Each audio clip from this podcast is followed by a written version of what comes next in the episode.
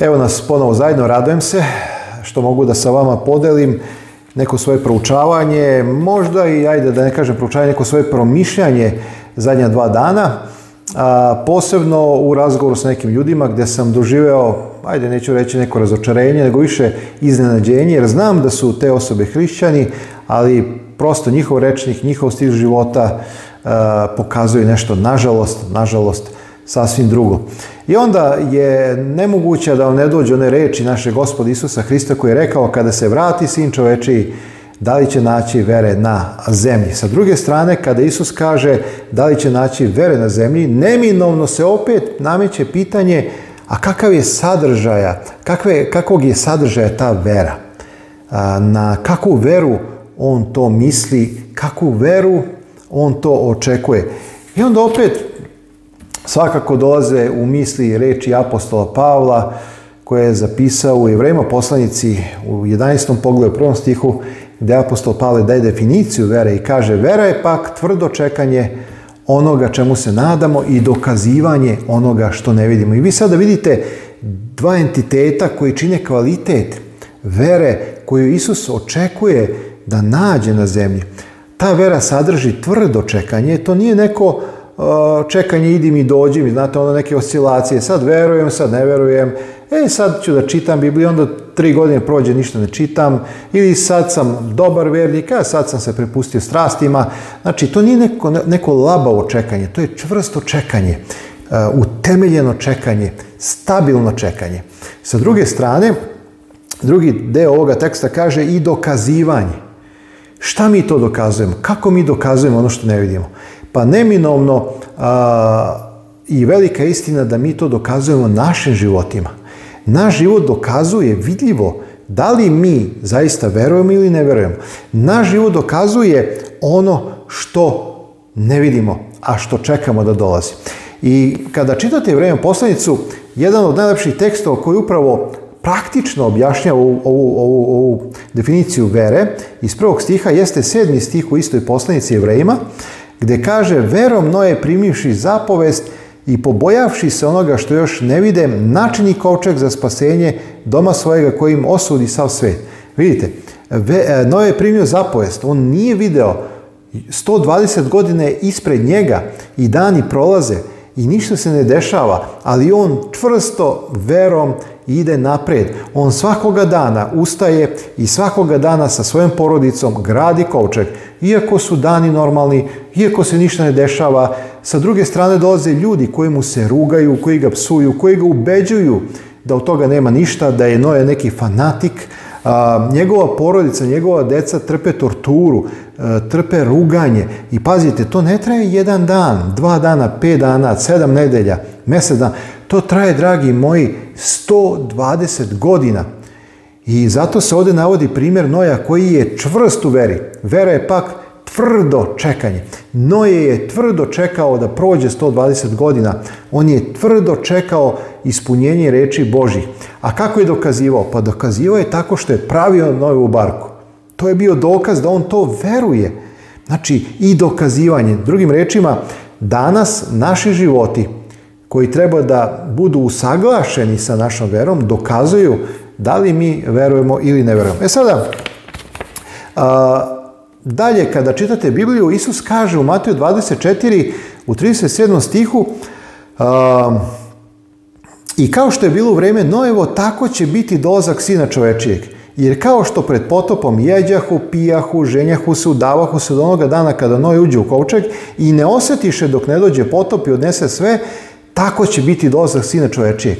Isus pravi paralelu sa njegovim drugim dolaskom i kaže kada ja se budem vratio u slavi, kada budem došao drugi put da spasem e, pravednike, e, tada će biti isto vrijeme kao što je bilo u vrijeme Nojevo, u vrijeme pre potopa kad je Bog e, rekao sad je dosta. I kad je samo osam duša našlo spasenje u Novoj Barci. Dragi moji, to je ozbiljna stvar. Isus potvrđuje da je potop bio, da je bio sveopšti i da je svaka duša izginula osim osam duša koje su našle spasenje u Novoj Obarci. Isus pravi paralelu. I sada se vraćamo na ono što sam rekao na početku. Kada se vrati sin čoveči, da li će naći veru na zemlji? A vidjeli smo da Isus očekuje da u tom fenomenu vere budu snažna dva entiteta. To je, kao što sam rekao, tvrdo čekanje i dokazivanje. A,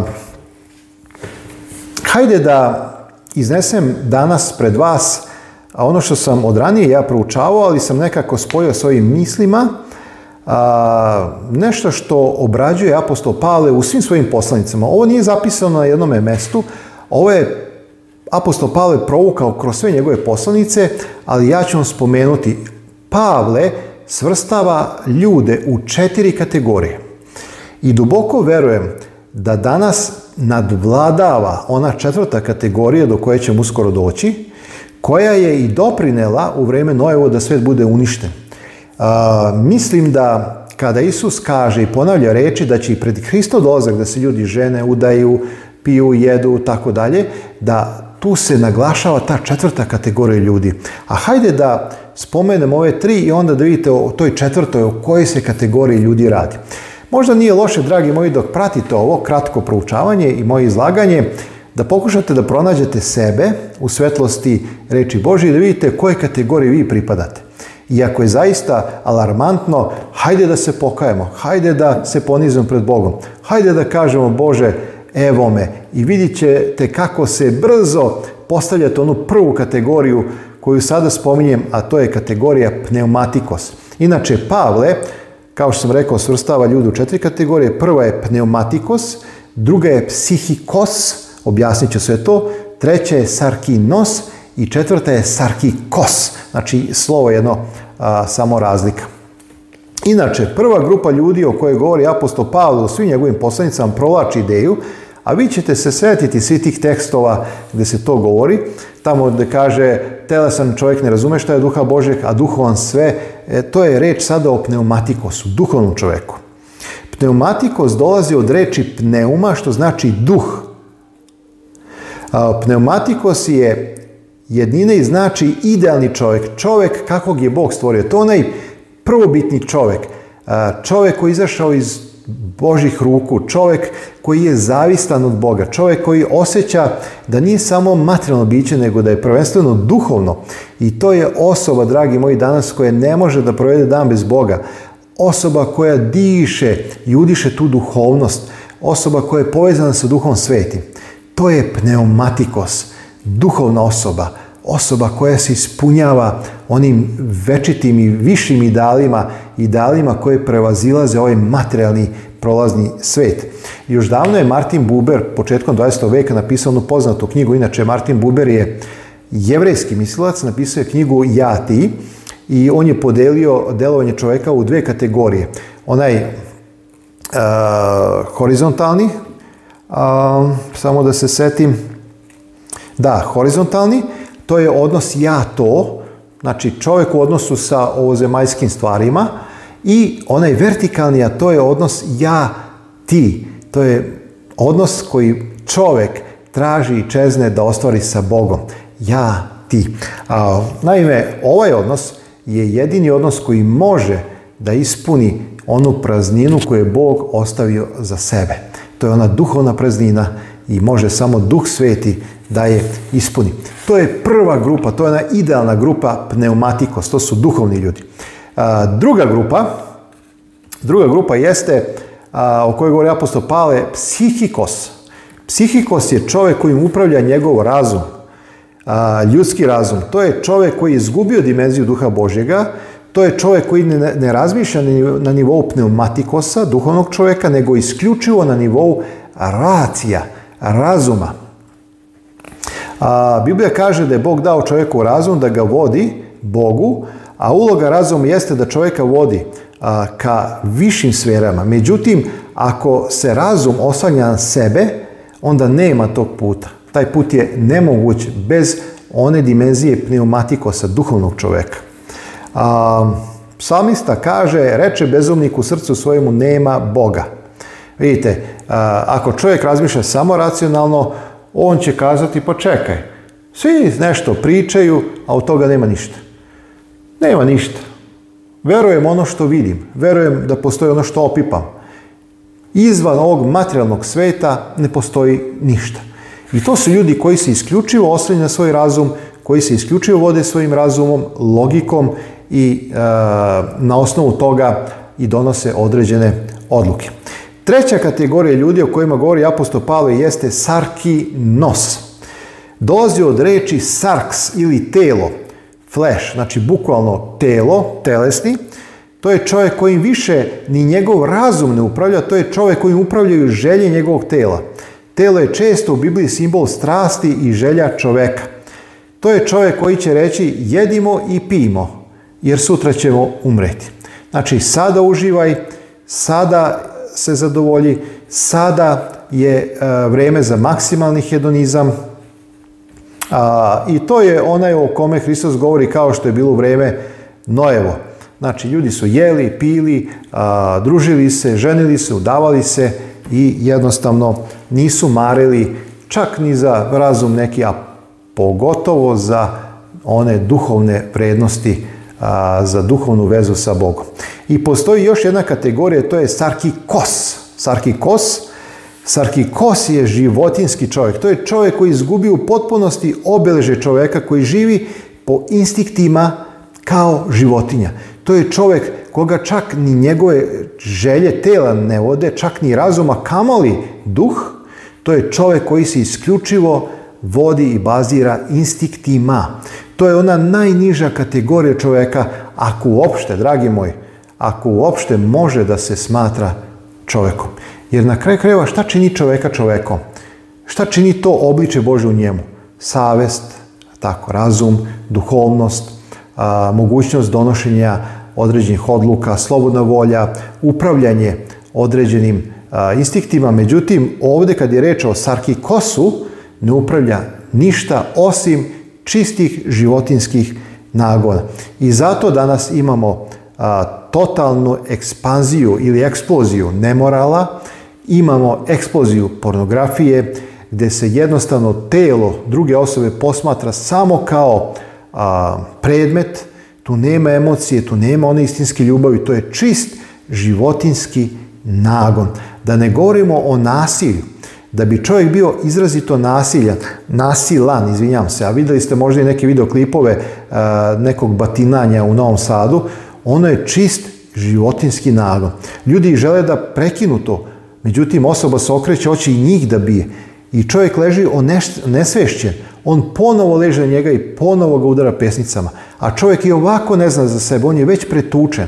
Ali ovaj drugi, to je čist životinski nagon, to je demonski nagon kojem upravlja ono najniže što može da postoji. Jedan autor kaže ovo je totalna degeneracija čovečanstva. I kako vreme odlazi, ova degeneracija će biti sve jača i veća. Ovo je slobodno, možemo reći, jedan od znakova Hristovog drugog dolaska. Dragi moji, bojim se da će biti još gore, ne želim da širim neki strah ili nešto, naša sigurnost je u Hristu, bez obzira u kom vremenu živimo, kada smo sa Hristom, Hristos nam je dovoljan, On je pobedio ovaj svet i On je obećao da će biti u sve dane do svršetka veka, a apostol Pavle kaže, ako je Bog sa nama, ko će na nas? Evo, dragi moji, kada čitate poslanice apostola Pavla, a primetit ćete ovu podelu u određenim tekstovima, da se ne vladamo prema ovome sve, e, veku i tako dalje. Evo, sad ću pročitati taj tekst, tekst. Ili recimo, apostol Pavle kaže, postoji spojašnji čovjek, unutrašnji čovjek. Postoji duhovan, postoji telesan. Postoji novi čovjek, to je tako novo rođen, postoji stari čovjek. Vidjet ćete stalno tu razliku koju pravi apostol Pavle. A evo poziv koji želim da vam uputim. Kroz reči apostola Pavla zapisane su u Rimljanima 12. poglavlju od prvog do drugog stiha.